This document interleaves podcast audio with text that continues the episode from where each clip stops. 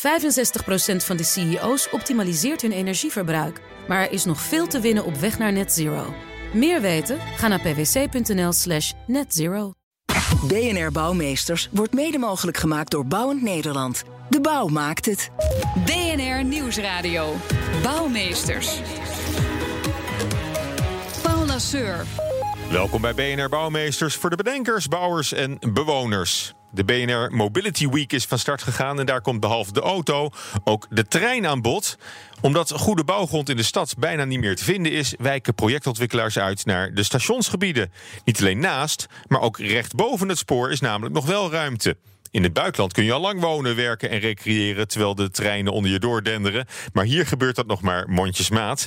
En daarover ga ik praten met spoorbouwmeester Erik Luiten en Sebastiaan de Wilde. Hij is directeur vastgoed bij de Nederlandse Spoorwegen. Hartelijk welkom allebei. Ja, dank u. Goed dat jullie er zijn. Ja, voordat we doorpraten over bouwen boven het spoor, vragen we onze bouwgasten graag eerst wat, eh, wat algemene eh, dingen om ze wat beter te leren kennen. En eh, Erik, om bij jou te beginnen. Wat was volgens jou nou de grootste bouwflater van de afgelopen tijd? De grootste bouwflater. Ehm, dat vind ik lastig. Ik, denk, ik heb de neiging om een beetje de buurt van het onderwerp te blijven.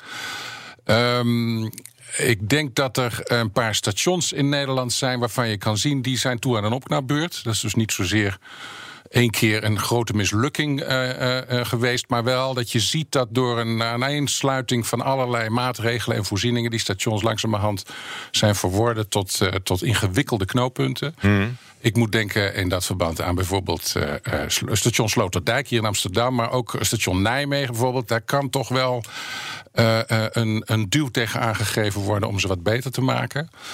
Uh, dus dus ik, ik, het woord flater zal ik niet zo gauw in mijn mond nemen. Maar toch uh, stations waar je uh, een, een opknapbeurt op zijn plek mm. zou vinden, die, die, die zijn er wel, ja. Maar het omgekeerde zie je natuurlijk ook. Stations waar, waar juist wel heel goed is. Ja, we hebben natuurlijk de afgelopen jaren wel een soort nieuwe norm gesteld. Dus het gaat om stationsarchitectuur in Nederland. In dat verband, zeg maar, voor de grotere stations vind ik zelf station Rotterdam een erg mm. geslaagd, een mooi nieuw project. In de sfeer van verbouwing van stations vind ik Eindhoven een erg geslaagd ja. project. En als u eens een keer in Harderwijk komt, of de luisteraars misschien een keer in Harderwijk komen, daar staat een heel mooi klein station dat echt prachtig is herontworpen en hergebouwd. Nee, ook helemaal nieuw? Of is ja, dat, is ja, dat het grootste deel nieuw. Uh, nee, nee, alleen het spoor ligt nog op dezelfde plek. Maar de rest is wel... Uh... Ik vind wel dat stations, als ze verbouwd wordt, dat duurt het vaak jarenlang. En dan zit je heel, heel lang tussen, de, tussen die underlayment-platen, moet je dan doorlopen. Ja, dat het is, lijkt zo'n... Uh, goh, we, we, bouwen even een nieuwe loods om het spoor heen. Maar ja. het is toch een zeer complexe aangelegenheid. Ja. En dat heeft ook te maken met dat ook andere vormen van vervoer zich aansluiten bij die bouwopgave. Dus het is al heel snel een complexe knoop. Het is altijd een hoop gedoe. Sebastian, jouw, jouw flater uh, in, in de bouw? Ja, ik ga, ik ga daar gelijk bij aansluiten, ook om het in de stationsfeer te houden. Uh, voordeel ook de nieuwe stations, omdat wij uh, heel veel nieuwe reizigers verwelkomen. En ook zelfs de nieuwe stations op bepaalde punten alweer te klein aan het worden zijn. Dus het is altijd een kwestie van uitbreiding. Het dus blijft zijn uitbreiden. stations die, die worden opgeheven? Of, uh... Nee, we heffen vrijwel nooit stations op. Uh, maar de stations worden wel veel drukker. En daar hebben wij uh, met elkaar in de spoorsector handen vol aan. Wat, wat is nu echt een station wat niet meer voldoet? Een station als Schiphol is te klein. Uh, op station Zuid zijn de perrons smal. Op perron 5-7 op Utrecht. Dat zijn uh, voor hele grote groepen mensen hun dagelijkse plek waar ze komen. Waar verbouwingen ofwel aanstaande zijn of moeten gaan gebeuren. Dus dat heeft hoge prioriteit, hebben jullie ook? We, we, beginnen altijd met de functionele vraag. En daarna de kwalitatieve, maar natuurlijk liefst hand in hand. Oké. Okay. Nou, uh, Erik, ik, ik, kom weer bij jou. Je bent nu mm. ruim anderhalf jaar spoorbouwmeester bij Bureau Spoorbouwmeester. Ja. Prachtige functie. Ja, dat vind ik ook. in elk geval. Mijn hart sprong op. ik weet toen, niet wat hij doet, de spoorbouw. Ik wist niet dat we er een hadden. Nee, maar... nou, dit is het best bewaarde geheim van Nederland. Dat uh, ProRail en NS gezamenlijk hebben besloten dat het goed zou zijn als ze door een bureau worden scherp gehouden op de kwaliteit van, van alles wat er verbouwd, gebouwd, ingericht, heringericht moet worden. En dat met dat spoor samenhangt. Um, en dat is een kleine groep mensen, dedicated, helemaal, helemaal toegerust en geëquipeerd om die, die kwaliteitsaspecten uh, goed op de agenda te houden. Om bij alle bouwprojecten daar op tijd aandacht voor te vragen. En, en, wanneer daalde dat inzicht in bij uh, Nou, dat had te maken met, met in de tijd dat NS opging in een aantal verschillende entiteiten, rond midden mm. jaren negentig. Uh, toen had, er was eerst nog sprake van een kleine architectengroep binnen uh, NS. En later is bedacht dat moet eigenlijk een gezamenlijke verantwoordelijkheid zijn. En daarmee is ook 50-50, dus echt op, een, een op basis van een verdeling van, van gelijkwaardigheid, het bureau als een min of meer zelfstandig orgaan tussen die twee organisaties gesitueerd. En, en, en er zorgen er met name ook voor dat dat er een beetje eenheid van, van uitstraling nou, blijft. Dat is een onderdeel. spoorbeeld. Zeker, dat is het onderdeel van het werk. Is dat we uh, vanaf uh, tot, van, van, van grafische vormgeving tot en met de inpassing in de stad. Eigenlijk die hele range van ruimtelijke aspecten die samenhangen met reizigersgemak en, en vanzelfsprekendheid in het vinden van, van uh, overstapmogelijkheden en in- en uitstapmogelijkheden. Dat we daar zo consistent mogelijk in blijven handelen. Daar, daar letten wij in het bijzonder op. Maar dus ook de kleine dingen, ook de wegwijzers en de stationsbankjes. Ja, nadrukkelijk. Dat was mijn verrassing ook. Ik wist dat er een spoorbouwmeester was, maar ik wist niet dat hij... En, en beton storten. Nou ja, dat die, dat die ook tot en met die grafiek van uh, hoe vertellen we het de reiziger... en waar sturen we ze heen en wat voor soort bebording en zo... dat dat allemaal onderdeel uitmaakt van dat uh, spoorbeeld. Ja. En dan het onderwerp van vandaag. Ja. Wanneer, of, of, of waar komt het eigenlijk vandaan, die interesse om boven het spoor om ja, boven het spoor te gaan ja, bouwen. Ja, dit klopt. Het is een, een prachtige uh, uh, impuls eigenlijk die voor mij uh, laat zien dat er eigenlijk nou ja, het, het, het zoeken naar uh, het station als de place to be, hè, dat zie je eigenlijk mm. in alle grote steden nu wel optreden.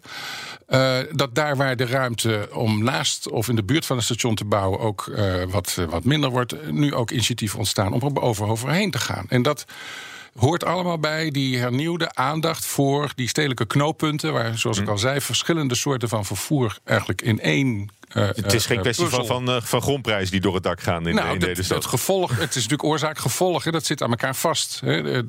Ik, ik herinner me nog goed, ik woonde in Utrecht in de jaren negentig. En uh, in 2000. En toen moest je door de junks hè, uh, je wegbanen mm. van de ene kant van het station naar de andere kant. Dat is een ander verhaal van stations. Het is vaak ook een, een knooppunt voor, uh, voor, voor ja, randverschijnselen. Ja, ja nou, steeds minder dus eigenlijk. Het is steeds meer een voorkant van de stad aan het worden. Echt representatief deel van de binnenstad. Okay. En dat hebben vastgoedontwikkelaars ook heel goed doorgekregen. Ja. Nou, Sebastian, jij bent ook een beetje de vastgoedontwikkelaar van, van NS. Yes. Maar dan in, in eigen huis. Uh, hoe, hoe, nieuw is voor jullie bouw, bouwen boven het spoor? Want het, het gebeurt al een beetje, hè?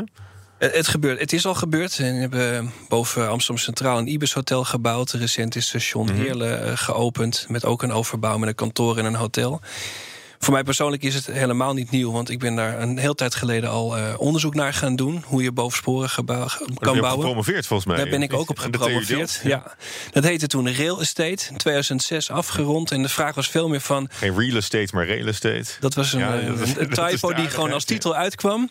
Ja. En uh, daar ontdekten we, ja, dat kan allemaal wel technisch. Um, maar het is ook heel duur en je moet goed weten waar. En we zien dat nu de laatste tijd met een aantal grondprijzen die door het dak gaan. Ook het vermogen van aannemers om hele grote klussen uh, aan te kunnen. Technisch. Dan wordt het ineens rendabel wordt het opeens rendabel. En ja. dat is op zich nog niet de reden om te gaan bouwen. Alleen het rendabel zijn. Uh, we zien dat die stations heel druk worden en dat we alles eruit het spoorsysteem moeten halen wat erin zit. Daar is voor een vermogen geïnvesteerd in zes treinen per uur mm. per richting, nieuwe stations, nieuwe infrastructuur, nieuw onderliggend uh, wegen en, en fietsnetwerk. We hebben gezegd, we moeten er alles uithalen. En dan ga je automatisch ook kijken naar die plek boven het spoor als die betaalbaar ook, ook, wordt. Ook voor, ook voor, woningen en kantoren woningen. en winkels en uh, echt het, het, hele, het hele spectrum. In principe zouden alles kunnen, ja. maar ook openbare ruimte. Want die stad is dicht, dicht heel erg druk. Mm. Ook openbare ruimte vormt onderdeel van en, het denken. Lopen er projecten waar, waar, we binnenkort huizen gaan zien? Of, of zit het stikstofbesluit daar nog tussen bijvoorbeeld? Het stikstofbesluit gaat, uh, gaat er gelukkig ruimschoots aan vooraf. We zijn op drie plekken aan het kijken met de partners, gemeente, ProRail, uh, Rijksvastgoedbedrijf, naar Utrecht Centraal als het middelpunt van Nederland waar alle treinen doorheen gaan. Dus dat is een zekerheid dat je daar goed kan komen. Als je dat nu uit de lucht ziet, zie je vooral heel veel ruimte eigenlijk. Zie je hè? heel waar, veel waar, ruimte. Waar die sporen lopen. En je ziet ook hoe die stad echt op het spoor af is komen rennen. Hoge gebouwen tot vlak langs het spoor. Dus nu is echt het moment om ja, echt over het spoor heen te denken. We denken aan Sloterdijk. Uh, zoals Erik al zei, daar is eigenlijk gewoon een nieuw station nodig. Dat wordt niet zomaar gefinancierd. Mm -hmm. Maar zou het niet kunnen gefinancierd worden uit een dergelijk ruimtelijk project? En eentje die al heel lang ook op de kaart staat om een keer te doen, is Den Haag Centraal. Want daar eindigen de treinen zo mooi. Dus daar... Maar daar hebben ze net een enorme verbouwing achter de rug. Dat geldt voor al onze stations. Ja, dus dat, ja. dat draagt dan ook weer niet echt bij aan, eh, aan de Nee. leefbaarheid eh, rond zo'n station. Dat- Dat is wel een beetje het lot van de stations. Ze hebben de, spoor, de, over, de verbouwing net gehad. Het gaat ontzettend goed, het groeit. En je ziet eigenlijk de volgende verbouwing alweer op je afkomen. En dat maakt het vak ook heel leuk. Ja, en eh, Erik, we hadden het natuurlijk al eerder over. Van, waardoor die, eh, eh, dat bouwen boven het spoor zo is, eh, is getriggerd eigenlijk. Van, wat is, eh, maar je- het, toch is nog een aarzeling, merk ik. Nou, dat is, op papier is die er niet. Die is die aarzeling er niet. Ik vergelijk het graag met ehm, eh, dat in de middeleeuwen rondom de kerk en het gemeentehuis eh, de place to be was om in de stad te investeren. En daarna bij de V&D en de Bijkorf. En nu dus bij het station. Dat zijn eigenlijk verschuivende, ik noem Ja. dat graag ook epicentrum van de stad. Dus daar is waar de. De schokgolven het grootst zijn. Op papier zijn er eh, Maar inmiddels... er, er- er zal ook weerstand zijn. Waar heb je nou de meeste dis- discussies eh, Nou ja, over? kijk, Waar het- zitten de knelpunten? De knelpunten gaan overwegend over, over eh, dingen als, als trillingen, geluid enzovoort. Dus naarmate je Ge- ge- gezondheid, welbevinden van, bewoners? Nou ja, trillingen en geluid heeft met welbevinden te maken. Ja, dat zijn natuurlijk milieufactoren die een rol spelen en die je niet zomaar terzijde kunt schuiven. Ja. Nou, Maar- kun je technisch zijn- veel oplossen, hè, zeg ik erbij. Ehm, en dan is er, denk ik, weinig terughoudendheid. Je ziet ook gemeentebesturen daar erg eh, goed op reageren. Die zijn wel, eh, wel eh, wakker geworden. Hè. Die, die zien ook dat ze samen met NS en ProRail eigenlijk in een soort Hey, samenwerkingsverband... als, als je nou boven zo'n zo'n zo'n bundel met hoogleidingen woont, heb je dan niet ook veel last van elektromagnetisch veld? ja, dat, dat is Dat je tele- televisie mandaat- stoort als, als de trein van half acht voorbij komt? Buiten het overzicht en het mandaat van de spoorbouwmeester. ik, ik heb geen verstand van eh, elektromagnetische straling. Maar kijk, er zijn natuurlijk al voorbeelden. Hè. Er, wo- er wordt hier en daar al gewoond en gewerkt en geshopt boven Tot, het tot spoor. volle tevredenheid eh, Ja, van en dat is, alle over het algemeen zijn dat succesvolle projecten. Ja, ja, Ja. dat moet ik er toch wel eh, in Ja, vaststellen. hebben we het Ja. onder meer over, eh, over Heerlen. Eh, Sebastian, daar is onlangs een compleet nieuwe wijk eh, boven het spoor opgeleverd. Het Maankwartier. Bijna 40.000 vierkante meter aan eh, kantoren, winkels, horeca. Eh, twee parkeergarages, 125 woningen. Dat is een heel dorp. Dat is inderdaad een, een stadswijk. En een stadswijk aan beide kanten van het spoor. Dat is het ook uniek. En ook een stadswijk die de beide kanten van het spoor verbindt. Maar ook een project wat eh, echt nodig was om Heerlen een stuk verder te helpen. Het station wat er ervoor stond was afgrijzelijk. Eh, ook onveilig. Natuurlijk ook een grensstation met alle drugsproblematiek. worden. En eh, dit is wel een, een manier om, de, om de, de stad te verbeteren. Ja. En daar volgde de overbouwing logischerwijs uit. Maar dat was niet het doel van het project. Het Ja. doel was een beter Maar, station maar Heerlen. dat, dat zeg je er ook nadrukkelijk bij. Van, met, met een mooi station trek je, een heel, eh, trek je eigenlijk een hele wijk of een hele stad eh, een heel stuk eh, mee in de, in de vaart der volkeren weer. Nou, dat is wat zien gebeuren als je bij Rotterdam Centraal komt nu... of bij Utrecht Centraal of bij Amsterdam. Je ziet die hele omgeving profiteren van een mooi station. Je ziet de sociale veiligheid enorm toenemen. En je ziet, en ik maak het zelf ook als mee... als ik echt laat in Utrecht ben... dat je gewoon 10, 11 uur s'avonds gewoon helemaal veilig en prettig... door dat station kan op weg naar je trein. Ja, dat is een, een ongelooflijk grote stap vooruit... waar datzelfde station 15 jaar geleden nog een plek was... waar je na, als het donker werd, eigenlijk niet meer kon zijn. Nou, dat, dat doet wat met de wijk eromheen ook. En wat is voor jou nou in de wereld het, het station of stad waar, waar dit echt heel erg geslaagd is? Ja, waar ze het echt heel mooi doen, vind ik in Parijs. Het eh, Rive Gauche, dus de linkeroever van de Seine. Mhm. Bij het station Austerlitz. Daar hebben ze allemaal sporen opgeruimd die niet nodig waren. Degene die wel nodig zijn, netjes rechtgelegd. En daar zijn ze fase voor fase al twintig jaar bezig om een wijk boven het spoor te bouwen. En dat vind ik heel inspirerend om te zien hoe ze daar de stad verbeteren. En ook daar elke vierkante meter in Parijs benutten. Want ook ja, daar hebben ze gewoon drukte, weinig ruimte. eh, en moet je naar creatieve oplossingen zoeken. Ja. En dan is dat je niet alleen het spoor overbouwt, maar tegelijk de hinder van de trein wegneemt voor de omgeving natuurlijk eh, een win-win. Maar dan moet je het wel kunnen betalen. Ja. ja, want we hebben het ook al eerder gehad over het, eh, het rendement eigenlijk van bouwen boven het spoor. Hoe, hoe is het daarmee? Wat is het rendement van bouwen boven het spoor? Nou, dat, Is het, is het heel duur? Is het voor jullie heel duur? het is heel duur, maar het is ook veel waard. Dat maakt het verschil. Het is heel erg lokaal bepaald. Zodra je dingen aan het spoor moet gaan doen, wordt een spoorproject al snel duur. Als het spoor er goed bij ligt en weinig verandering nodig heeft, is het relatief goedkoper. En we zien dat de technieken om boven het spoor te bouwen, hebben de sleutelprojecten geleerd, dusdanig van kwaliteit zijn dat je dus ook heel precies kan managen hoe zo'n project te doen. En dan zijn de risico's in ieder geval een stuk kleiner. Nee, goed, en door de schaarste van goede bouwgrond sowieso in de stad...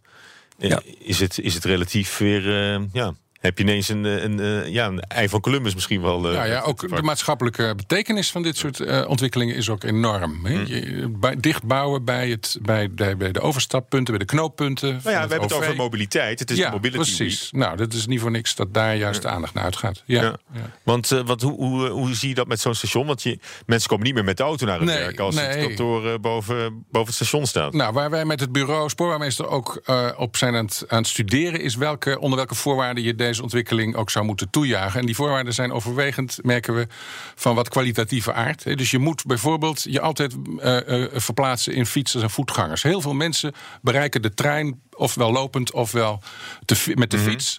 En dat moet een soort ongestoorde, vanzelfsprekende uh, benadering uh, blijven van dat, stations. Dat er niet in de, in de fietsenstalling appartementen worden gebouwd. Bijvoorbeeld, dat is, ja. Of dat je die hele situatie in een soort uh, vastgoedkorset hijst. Hè, en dat, dat het eigenlijk de overzicht verdwijnt. En dat soort plekken. Dat is cruciaal voor het, het maatschappelijk functioneren van stations. Dat ze Mm. overzichtelijk blijven, toegankelijk blijven, bereikbaar, zichtbaar, waarneembaar. Dat zijn allemaal belangrijke voorwaarden, vinden wij voor het, uh, het verdichten van die stationsomgeving. Ja, ja. Want uh, Sebastian, als je bijvoorbeeld kijkt ook naar uh, station Amsterdam-Amstel, dat is hier om de hoek hè, bij het. Misschien ben je daar net wel ja, aangekomen. Ja, ik weet niet zeker. Wij gaan met de trein. Altijd met, met plezier. Maar daar zie je ook dat, dat de verkeersstromen rond dat station... en ook op de, op, de, op, de, op de rotonde hier... eigenlijk als uitgangspunt zijn genomen. En ook gebruikt in, in de bouw. Is dat wat je, wat je altijd voor ogen moet houden? Die, die dat mobiliteitsaspect? Nou, dat is waar eigenlijk voor ons de uitdaging ligt. Want het wordt druk op het spoor en dat alleen maar drukker. Maar de impact van die stations op hun omgeving is gigantisch. Dat hele maaiveld wordt opgegeten door logistiek, fietsen, auto's, bussen. Dus ook daarom kijken we naar de ruimte boven het spoor. Hoeveel van die functies kan je ook naar boven het spoor bouwen om die verkeersstromen te verdelen? Dan, dan ga je het een beetje stapelen. Exact. En als je dan dus, dus de, de, metro, daar de trein weer bovenop. En dan ja. uh, nou, dat zie je al in die. nog een flyover voor de auto's. In die grote stations die de afgelopen 15 jaar zijn verbouwd. Centraal daarachter. Het zijn allemaal multi-verdiepingen uh, uh, gebouwen met verschillende vervoerselementen ja. onder elkaar, boven elkaar. Die hoe, hoe ver kan je daarin gaan? Is dat, is dat onbegrensd? Gewoon uh, stapelen maar? Te technisch kan je heel ver gaan. En op een gegeven moment wordt het heel duur. Ja. En je moet opletten dat je die systemen ook nog uit elkaar kan halen. Want een van de, de zorgen die we hebben is... Van, ja, als je dat allemaal blijft doen... en je wil een keer wat veranderen aan de metro of de trein of de bus... moet dat ook mogelijk blijven. Dus daar is een, uh, een hoop te doen. Ja. Maar wat wij ook zien, dat als je een kantoor boven het spoor bouwt... dan gaat degene die daar op de trein aankomt om naar zijn kantoor te gaan... gaat in ieder geval niet een bus in, hoeft geen fiets te pakken... heeft geen fietsenstalling nodig, dus je ontlast ook... Het leven wordt een stuk aangenamer. Nou, dat is wel de bedoeling. Ik werk in een gebouw boven het spoor... en ik kan zeggen dat dat heel aangenaam is om daar te werken. Ja. En tot slot dan heel kort, het uh, wonen boven het spoor. Hoe, hoe, lang nog voordat we dat uh, eigenlijk de normaalste zaak van de wereld uh, gaan vinden? Nou, in Heerlen heb je het nu al, gebeurt het nu. Hè? En volgens mij wonen de mensen daar met groot plezier. Ik denk dat het wel door gaat zitten, ja. We wonen al heel lang uh, vlakbij het spoor, dus er is geen enkele reden om het niet erboven te doen. Wat we wel moeten doen, is dat qua trillingen natuurlijk goed ontwerpen. Oké, okay, nou, maar, maar, daar zijn de oplossingen voor, de, daar heb je voor doorgeleerd. Daar, je, daar kan je voor doorleren. Hartelijk dank voor dit gesprek. Erik Luiten, onze spoorbouwmeester, en Sebastiaan de Wilde, directeur vastgoed bij de Nederlandse Spoorwegen. Dank jullie wel. BNR Bouwexpo. En deze bouwexpo mag redacteur Judith Lane eindelijk een boekbespreking houden. Oh Paul, ik ben zo blij. Eens een boekennerd, altijd een boekennerd. Ja, en ik heb, hem, ik heb hem bij me. Een groen boek. Ik heb hem bij me. Boekje, ja. Ik dacht, ik laat het even ja, ruiken, hè, aan boek. Ja, deze nog niet. Die is nog niet oud genoeg. Ja. Oude boeken ruiken het lekkerst. Maar wat is het voor boek? Uh, het is het boek Kunst op Nederlandse stations. En dat is van uh, uitgeverij THOTH tot, zeg ik even. Mhm. Mm. En uh, bureau Spoorbouwmeester, dus van uh, onze gast mm. in de studio.